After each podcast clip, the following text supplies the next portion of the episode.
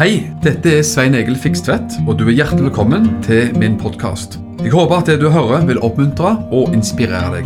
Ønsker du mer informasjon om arbeidet i drivet, så kan du gå til mission-alliance.org. Gud velsigne deg. I dag har jeg kalt eh, Jeg har faktisk en eh, tittel på det jeg har tenkt å si. Og det er 'Gå uten å tvile'. Gå uten å tvile. Og jeg skal prøve å fortsette litt for de som var her på Ja, fredag, var det det? For de som var her på fredag, så snakket vi om at Gud ønsker å løfte vårt perspektiv og tenke som Guds rike. For Gud er ingenting umulig. Og han kommer jo fra en helt annen verden.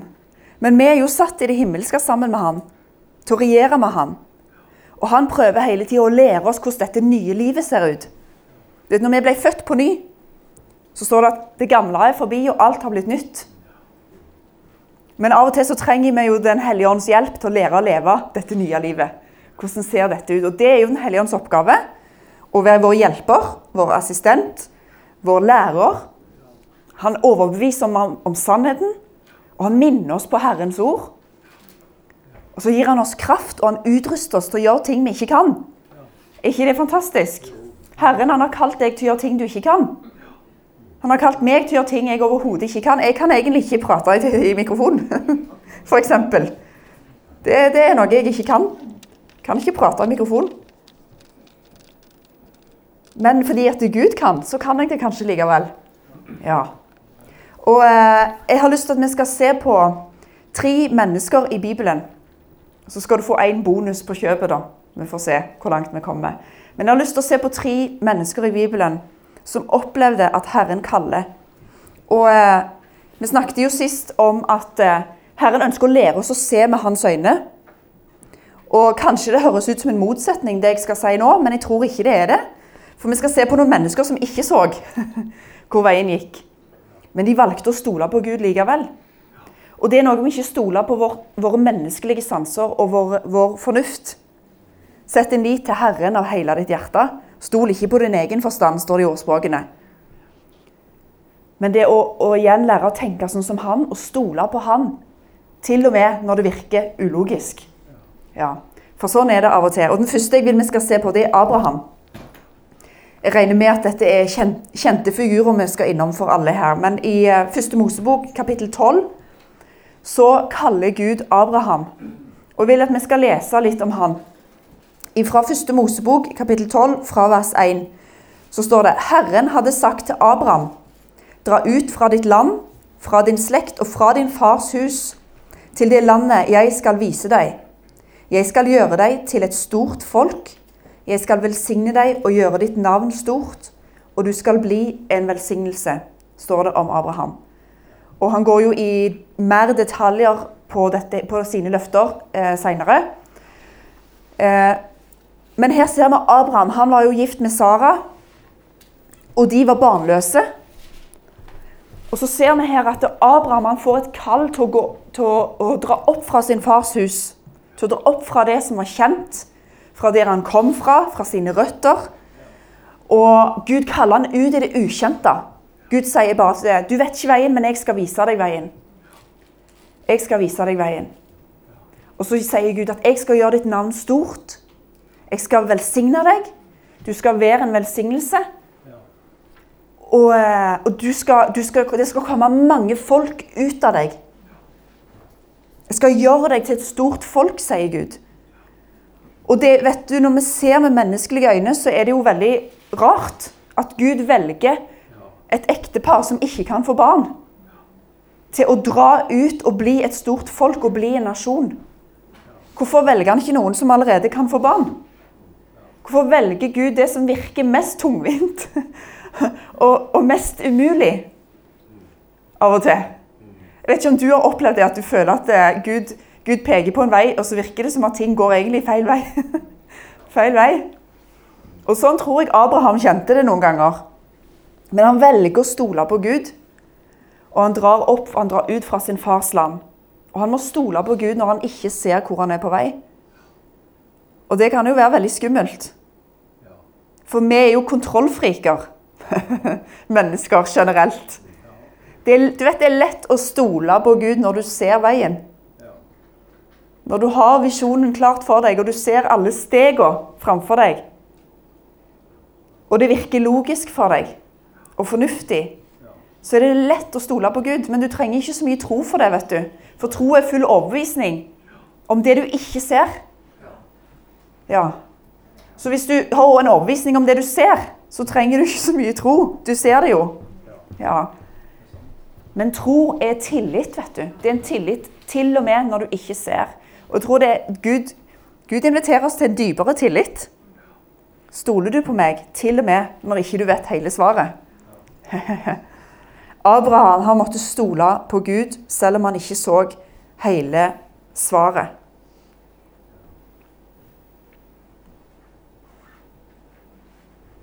Han ønsker at vi skal ha vår fulle tillit i Han. For han vet best for våre liv. Og eh, jeg vet ikke hvordan det er med dere. Jeg regner med dere har veldig mange fine turløyper i området her. Jeg er glad i å, å gå tur, og veldig ofte så går jeg tur eh, på steder jeg ikke har gått før. Eh, ofte så får jeg råd og tips av, eh, av kollegaer eller sånne ting. Og er det noen som har gått seg vill her? Og ordentlig vill? Jeg har gått meg vill noen ganger, og det er ikke gøy. Det er grusomt. Spesielt når det begynner å bli mørkt. Da er det grusomt å gå seg vill. Og eh, En kollega av meg hun, eh, hun snakka om en sånn plass i Froland som liksom litt, kommer litt opp på fjellet. Det er en plass som heter Fotvardsheia. Og du kommer opp til Ja, du kommer litt opp i høyden, og det begynner å minke litt på trærne, og det begynner å bli bart fjell. Det er sånn ca. runde på to mil, da. Så jeg tenkte første gang ja, det høres ut som en idyllisk tur. Jeg elsker å gå på tur og be, her, be til Gud og ha samtale med Han. og så tenkte jeg, Nå skal jeg prøve meg på denne her turen til Fotvardsheia. Det er to mil. Jeg visste jo sånn cirka hvor lang tid det skulle ta. Og eh, stien er jo godt merka med sånne røde spray, eh, sprayflasker, sånn spray, eh, maling, på steiner og trestammer og knatter, sånn at det er lett å finne veien. Du vet, Når veien er merka så tydelig opp, så er det lett å fylle stien. Da stoler jeg på at de som har merka opp stien, de vet at ikke de leder meg på ville veier. Men når jeg begynte å komme litt sånn høyt opp, da, så var det ikke så mange trær å spraye på. Og ikke var det så mange tydelige stier heller, for stiene forsvant. For det var bare fjell. Og jeg kom jo opp på toppen der, da, og fant jo ikke eneste merke. Og ikke en eneste sti, for det, var jo ikke, det var bare fjell alt sammen. Så jeg kan jo ikke se hvor andre mennesker har gått. Og den følelsen, da, når du har gått eh, kanskje en mil da, inn gjennom Og eh, dårlig dekning på telefonen og, og så, Jeg husker jeg gikk der, og så måtte jeg liksom gå Er stien her? Nei. Så må du liksom gå noen meter, og så går du kanskje 50 meter i den retningen, og så Nei, her er det bare kratt. Nei, hvor i all verden er den stien her? Det er jo det er jo helt grusomt. Og eh, heldigvis var dette på sommeren da når jeg gikk første gang, så det var lenge lyst. Men så tenkte jeg ja, dette var jo, eh, det var jo skikkelig, skikkelig tungvint. Men jeg hadde jo telefon med, da, så jeg tenkte jeg får slå på GPS-en og se. Google Maps. Den var jo ikke spesielt detaljert oppå fjellet der. Men jeg kunne se at det var et vann langt der borte som heter Vigelandsvannet. Så tenkte jeg ja, der, jeg, der, vet jeg jo hvor jeg er. Jeg vet at Da er jeg ganske langt hjemmefra. Eh, men da kan jeg ringe etter far eller jeg kan ringe etter noen når jeg kommer ned på veien. Da måtte jeg stole på den der GPS-en. og Jeg gikk jo gjennom både stier og kratt og alt mulig. og tenkte, Hvor i all verden havner jeg nå? Men jeg måtte stole på den GPS-en. Og jeg kjente igjen de her vannene. at Det vannet er jo der. Det vann, jeg vet sånn cirka hvor de vannene er. Så jeg får bare gå den veien helt til jeg kommer til en vei. Så til slutt så fant jeg jo faktisk fram, da. Det tok, det tok noen timer, for å si det sånn. Og sånn er det jo når vi ikke ser. Og når man ikke ser stien foran seg engang. Men man må stole på merkinger som Gud gir. For Gud gir oss merker. Han, han, han slutter ikke å spraye disse merkene for oss. Etter hvert så fant jeg jo disse merkene, da. Men jeg hadde GPS-en på telefonen. Tenkte at jeg må bare følge den. Jeg må bare følge den. Selv om det virker ulogisk, så må jeg følge GPS-en. Og sånn, sånn, er det ofte med Gud. Det står i eh, Salme 119. Det er jo en veldig lang og herlig salme som handler om Guds ord. Og i Salme 119, vers 105, så står det at 'ditt ord er en lykt for min fot og en lys på min sti'. Og jeg tror at noen ganger når vi følger Gud, så er han egentlig en lykt for vår fot. Du ser bare rett framfor deg. Og noen ganger så lyser han opp hele stien for oss. Vi kan se hele stien. Men av og til så, så er hans ord bare en lykt for vår fot. Så dere har prøvd å gå tur i mørket, så blir det jo sånn. Du ser én meter framfor deg. Men hans ord er en lykt for vår fot og lys for vår sti. Han har lova at han skal lede oss, og han, han, er en trofast Gud som ikke leder oss på ville veier. Et løfte som står i salmene, og det elsker jeg det verset der i Salme 32, vers 8, så står det at 'Jeg vil rettlede deg og vise deg veien du skal gå', og 'jeg vil gi deg råd med mitt øye', står det. Er ikke det nydelig? Jeg vil gi deg råd med mitt øye. Du vet Når du kjenner noen så godt at bare et blikk, så vet du akkurat hva de tenker. Er ikke det nydelig? Du, havner i en situasjon, så ser du på ektefellen din eller familien din eller vennen din, og så skjønner du at nå tenker vi likt. Nå, nå, nå kan jeg lese hva du tenker. Du vet, Sånn er det å kjenne Jesus. Bare et blikk fra han så vet vi hvor han er på vei. Og så vet vi at han vil lede oss. Han er trofast. Vi skal se på en annen person i Bibelen som opplevde at hun ble kalt ut i det ukjente, og det er Maria. Dette er en superinteressant historie. I Lukas kapittel 1 så står det om Maria. Så kan vi lese ifra vers 26. Men i den sjette måned ble engelen Gabriel sendt av Gud til en by i Galilea som het Nasaret, til en jomfru som var forlovet med en mann som het Josef, av Davids hus. Jomfruens navn var Maria.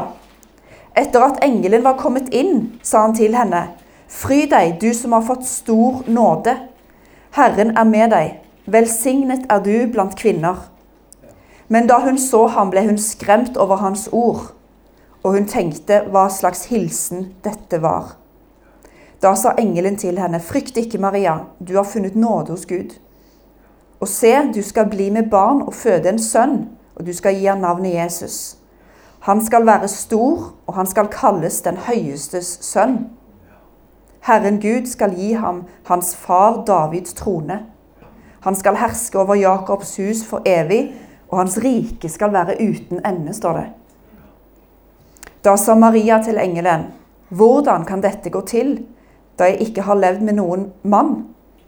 Engelen svarte henne, 'Den hellige ånd skal komme over deg, og kraften fra den høyeste skal overskygge deg.'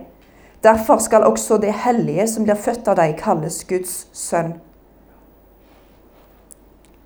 Her ser vi altså jomfru Maria får englebesøk. Og engelen sier, 'Frykt ikke, du har funnet nåde for Gud.' Du har funnet nåde hos Gud, og du skal bli med barn. Wow, så stort! Tenk for, tenk for et privilegium å få lov til å føde Guds sønn. Wow. Det er jo stort. Og du vet, for oss som kjenner historien, så er det jo veldig lett og greit. Men tenk på Maria i den situasjonen hun befant seg i. Der hun som ikke var gift engang, plutselig ble med barn. Og Sånn er det ofte når Gud kaller oss og inviterer oss inn i noe ukjent. Og Maria sa sjøl hvordan skal dette gå til? Kanskje det Gud kaller deg til, eller de bildene Gud har vist deg, den veien Gud har vist deg, så tenker du det er umulig. Det går ikke. Det er rett og slett umulig. Hvordan skal dette gå til? Jeg har sjøl spurt meg dette spørsmålet mange ganger. Gud, hvordan skal det skje? Ja, men hvordan? Ja, men, ja, men OK, Gud, du sier det. Ja, men hvordan skal det se ut? Hvordan skal det skje? Hva er neste steg? Hva er steg 1, 2 og 3? Men Maria hun var villig. Hun var villig til å bli brukt. Hun stilte seg fram som en, som en tjenestekvinne for Gud. Men hva med alle andre rundt henne? Du vet, Veldig mange ganger når Gud leder oss, så har vi en Det gjelder jo generelt oss mennesker at vi, vi vil gjerne bli forstått av andre. Vi vil så gjerne at andre skal se de samme tingene vi ser. Men det er ikke alltid det er sånn. Av og til så kaller Gud deg til å gjøre noe som ikke andre forstår. Som kanskje du møter motstand på. Kanskje folk hadde tenkt om Maria du vet, De venta jo på Messias. De venta jo på, på, på, Messias som skulle komme. Men jeg er sikker på at de kunne sagt noe sånn som at det der er ikke fra Gud. Gud ville aldri latt en dame bli gravid utenfor ekteskapet. Det høres ikke ut som Gud. Nei. Hvis Gud hadde gjort det, så hadde han gjort det på en helt annen måte. Er det ikke sånn vi tenker? Og naturligvis så tenker vi sånn. Og så kommer denne tjenestekvinnen Maria, og så føder hun Jesus. Og det var, det var, jo faktisk sånn at Josef hadde tenkt å forlate Maria. Han, han, mistenkte jo at noe muffens hadde skjedd her. For dette går ikke an. Og så møter Herrens engel Josef og forklarer hele greiene. Og så, så går han jo ikke ifra henne, da. Men i den kulturen så er jeg sikker på at de opplevde ganske mye vonde rykter. Stigmatisering, skam, å bli sett ned på. Og så tenker man er det sånn Guds sønn skal komme? Er det sånn det skal gå til?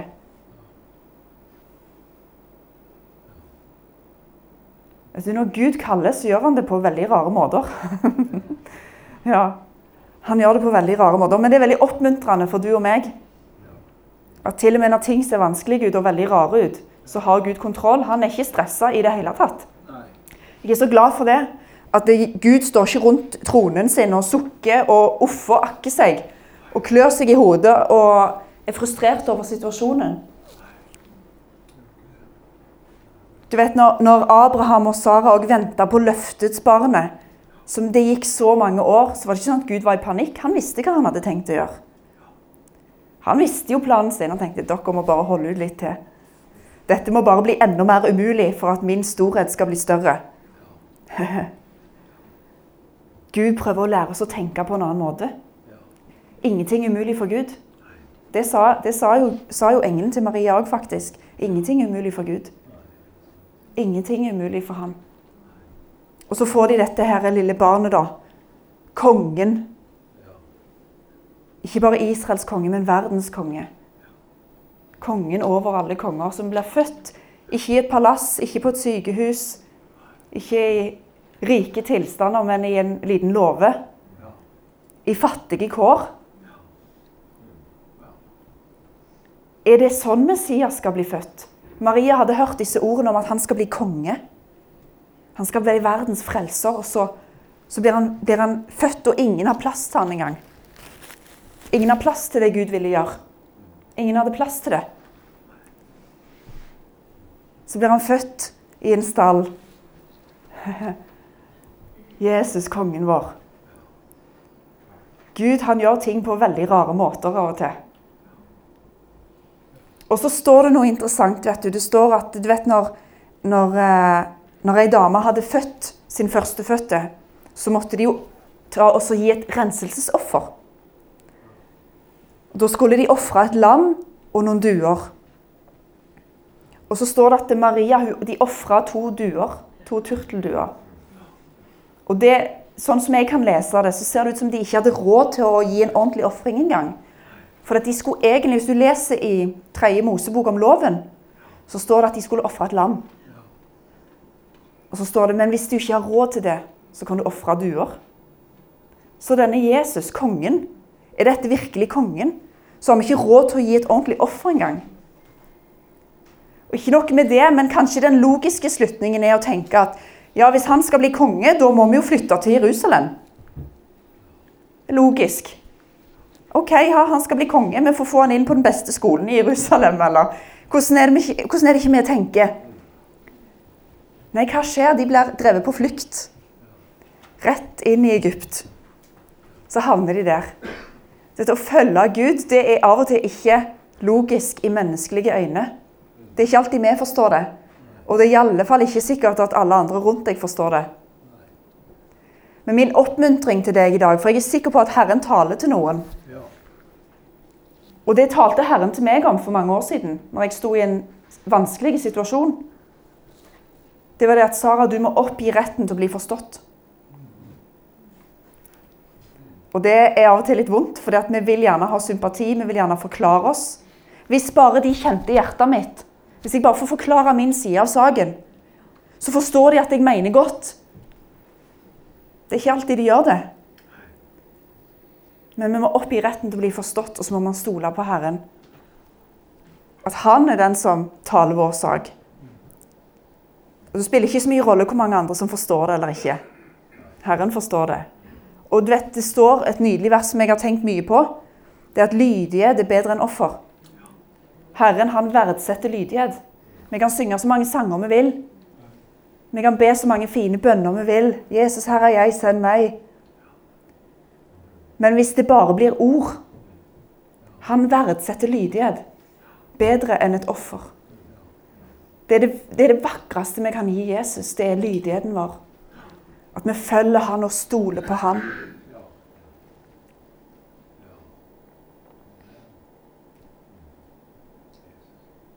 Jeg hørte et vitnesbyrd som jeg har lyst til å dele med dere. Som jeg syns er veldig sterkt. Det er fra en kar i Amerika som heter Chris Valenton. Han fortalte at eh, han var på et tidspunkt veldig plaga. Egentlig han fant ut at det var da, var demonisk undertrykkelse, men han sleit med, med angstanfall som kom over han i en lengre periode. Og han ble faktisk momentant løst når han skjønte at det var åndskrefter. Det er jo veldig interessant. Han prøvde å få hjelp, og alle, ingen ville hjelpe han, og så hørte han en stemme i radioen plutselig som sa at det du lider av, er demonisk attakk. Og du må bare ta autoritet over det. Så var problemet løst mange år med lidelse, så var problemet løst. Han prøvde å finne denne her personen på radioen igjen, men han fant aldri ut hva det der var. Men Herren satte han fri. Men, men mens han var i denne her tøffe perioden av angstanfall, så hadde han en rutine og en avtale med kona si. Og det var at når Han, han jobba som bilmekaniker. Når han kom hjem fra jobb, så skulle han få én time fri fra barn og i hus og hjem til å legge seg i badekaret og bare slappe av og roe nervene. Så ille var det. Og han gjorde det. Og mens han ligger her i badekaret og slapper av og ja, ligger der, så ser han Jesus komme inn på badet. Gjennom døra, åpner døra og går inn til ham. Og så begynner Jesus, mens han ligger der i badekaret, å profetere. Og tale om hans framtid. Så jeg har kalt deg til å være en røst i nasjonen jeg har kalt deg til å komme fram for konger og prester. Jeg har kalt deg til å forkynne Guds ord osv. osv. Nå husker ikke jeg alt det, men det spiller ikke noen rolle. Men han, Gud profeterte over ham og fortalte han, jeg har kalt deg til en tjeneste. Og så ligger han her, Chris, da, i, i badekaret, helt forskrekka. Og så tenker han, Gud, er det sant? Min eneste drøm i livet, det er å bli normal i topplokket. Min eneste drøm i livet det er å ikke være gal. Det er min drøm. Og så kommer Gud med sin drøm. Og så sier han det at Jesus han, han forteller dette, og så skal Jesus gå ut av badet igjen. Og så er det akkurat som Jesus han tar i dørhåndtaket. Så snur han seg til Chris, og så, han, så ser han på han, så sier han Historien vil fortelle oss om du tror meg. Wow. Her kommer Jesus inn og maler framfor han drømmer og visjoner. Og Så sier han noe som er ganske alvorlig. Historien vil fortelle oss om du tror meg. Tror vi på det Gud har gitt oss? Tror du på det Gud har gitt til deg? På den retningen Gud har satt for deg? Vet du, Vi må velge å tro Herren. Vi må velge å tro Herren for det som Han har gitt oss. Gud er, det er ikke det typisk Gud å plukke folk som ikke er i stand til Sånn som denne her mannen jeg fortalte, som leid av angst. Hvordan skal han noen gang preke for store forsamlinger? Hvordan skal han komme med profetiske ord til ledere når han har nok med å holde seg sjøl over vannet? Men i dag har han jo vært vært eh, både bibelskolelærer og leder i en menighet i Amerika i mange, mange, mange år. Og har stor innflytelse. Det, det er sterkt. Men sånn er det med Gud. Han ser ikke på dine kvalifikasjoner. Han ser etter et villig hjerte. Han ser etter lydighet. Og mange ganger så kaller han oss til å stole på han når vi ikke ser. Jeg skal snakke om én situasjon til, hvis dere orker å henge med litt til. Fra Apostlenes gjerninger, kapittel 10, så skal vi se på Det blir jo Jeg sa jeg skulle snakke om tre stykk, men det er på en måte to fluer i én smekk her. Og det er Kornelius og Peter. Her står det om Kornelius og Peter i Apostlenes gjerninger, kapittel 10. Og eh, Jeg tror ikke vi skal ta oss tid til å lese absolutt alt, men jeg skal, skal prøve å fortelle det etter beste evne. Men det står om Kornelius. Han var en hedning. Han kjente ikke Jesus, og evangeliet hadde jo ikke gått ut til hedningene ennå. Og så står det om denne Kornelius. Vi kan lese om han i Apostelens gjerninger, kapittel 10, i de første versene der. Så står det at han var en gudfryktig mann og frykta Gud med hele sitt hus. Han ga rikelig med barmhjertighetsgaver til folket. Og han ba alltid til Gud, står det. En, en mann som leide etter Gud, en mann som søkte Herren. Og så står det at omkring den niende time på dagen så så han klart i et syn Guds engel komme til ham. Kornelius. Kornelius. Så står det noe så vakkert. Dine bønner og dine barmhjertighetsgaver har steget opp som en påminnelse for Herren. Bønnene og barmhjertighetsgavene hadde steget opp. Det er jo en hel preken, bare det. Både bønnene og barmhjertighetsgavene stiger opp som en velduft for Herren. Tenk på det. Det er nydelig. Men så sier da denne engelen at det, et, kommer et skifte, Kornelius. Jeg holder på å gjøre noe nytt, sier han. Og Kornelius vet ikke hva dette her er, men han velger å stole på Gud. Og så sier, sier engelen vet du, at, at uh, du skal få tak i en kar som heter Peter, og han skal fortelle dere sannheten.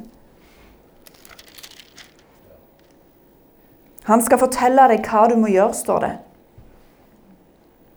Og hva gjør Kornelius etter dette her? Han vet ingenting, han vet ikke hva som skal skje. Han vet bare at han har hatt en engel på besøk. Og Så sier at du må få tak i Peter, og så må du samle folket ditt. Og Kornelius han er lydig. Uten at han skjønner hva som skal skje, så bare lyder han denne engelens ord. Og så På samme tid da, så har du Peter, som er oppe på hustaket sitt og ber. Og eh, mens han er der og ber og, og hviler i Herren, så kommer han inn i et syn. Og så får han se en sånn duk som kommer ned med all slags mulige krypdyr og eh, ureine dyr. da, I forhold til hva, hva, jødene skulle forholde seg til. Så kom det ned dette her teppet med all slags mulige dyr og krypdyr.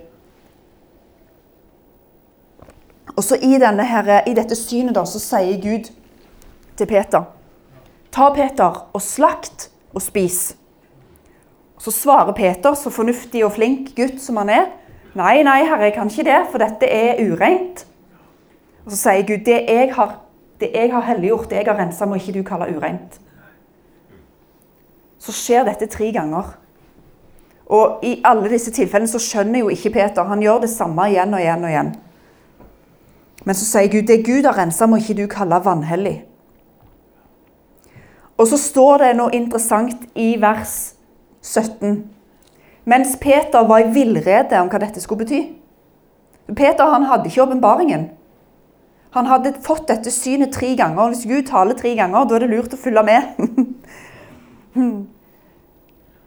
Men han var i villrede. Og Sånn er det av og til. Gud viser oss ting som ikke vi forstår. Vi kan være i villrede over hva i all verden betyr dette. Og Så kommer da disse folkene som da Kornelius har sendt av gårde for å hente Peter. Og Så forteller Den hellige ånd til Peter at nå er det noen menn der som kommer ned for å hente deg, og du skal bli med de uten å tvile. Og Her kommer da tittelen på min lille preken her i dag. Gå uten å tvile. For det er lett å tvile når ikke du ser bildet. Men Herren måtte nesten tale. Jeg ser for meg Gud måtte være litt streng med han og si at nå, nå lager du ikke noen protester, Peter. Nå må du høre. Hva sier egentlig Gud underforstått? Han sier at 'jeg holder på å gjøre noe nytt'. Og hvis du vil henge med, så må du henge med. Hvis ikke så går du glipp av det Gud vil gjøre. Hvis ikke Peter hadde vært lydig der, så måtte Gud ha sendt noen andre. Ja. Og Peter, vet du, han, ly, han lyer Herren. Han blir med. Og så kommer de da til Kornelius sitt hus i Cesarea. Så står det noe nydelig, da, hvis vi da altså fremdeles er i Apostlenes gjerninger, kapittel 10, vers 24. Dagen etter kom de inn i Cesarea. Kornelius ventet på dem, og han hadde kalt sammen slektningene og de nærmeste vennene sine. Bare, det taler veldig til meg om den lydigheten og den forventningen som Kornelius hadde her. Han aner ingenting om hva som skal skje. Han har bare søkt Gud i lange tider. han. Og så plutselig en dag, på en vanlig tirsdag, så bestemmer Gud seg for å bryte inn. Du vet, Av og til så står det om sånne plutseligere i Bibelen. Dette er et sånn plutselig. Så skjer det noe. Plutselig så bare gjør Gud noe. Og så har han vært lydig, så har han forventninger. Han tenker jeg aner ikke hva som skal skje, men jeg har samla alle vennene mine alle slektningene mine, og de satt der med forventning når Peter kom. Er ikke det nydelig? Da Peter kom inn, møtte Kornelius ham og falt ned ved føttene hans og tilba. Men Peter reiste ham opp og sa, 'Stå opp, jeg er selv bare et menneske.' Og så sier egentlig, Nå skal ikke jeg lese alt, men, men Peter begynner egentlig å bortforklare sin situasjon. Jeg er sikker på at Peter nesten gikk i smug. Han hadde jo med seg noen eh, kamerater da. Men jeg, du vet, en jøde skulle ikke gå inn til en hedning. De var ureine. Jeg er sikker på at det var temmelig upopulært. Og det kan man jo se andre plasser i apostlenes gjerninger, at det ble store diskusjoner på både det ene og det andre når Gud bestemmer seg for å gjøre noe som vi ikke har tenkt. Og Peter vet du, han, han tenker men jeg kan jo ikke gå inn til hedninger. Jeg er urein. Kanskje han tenkte å, jeg må ikke ta på noe her inne. Jeg blir urein. Hvem vet hvilken kamp han hadde i seg? Og Så begynner han egentlig da å hilse dem med å si at dere vet at det, det er forbudt for en jøde å gå inn til en hedning. Dere er egentlig ureine for meg. Jeg vet ikke om det er den eh, lureste måten å hilse en ny forsamling på, men, eh, men han gjorde nå i alle fall det. Vi kan jo lese det da fra vers 28, så står det Dere vet hvor lovstridig det er for en jødisk mann å ha samfunn med eller å gå inn til en som hører til et annet folkeslag. Men Gud har vist meg at jeg ikke skulle kalle noe menneske vanhellig eller urent. Plutselig kom åpenbaringen. Det som han var i villrede på. Plutselig, når han har valgt å være lydig og gå, så kommer Gud med løsningen. Så kommer Gud med åpenbaringen. Så sier han jo noe som er litt morsomt. Derfor kom jeg uten innvending. Gud måtte jo be han om å gå uten innvending. Så, men han var flink gutt.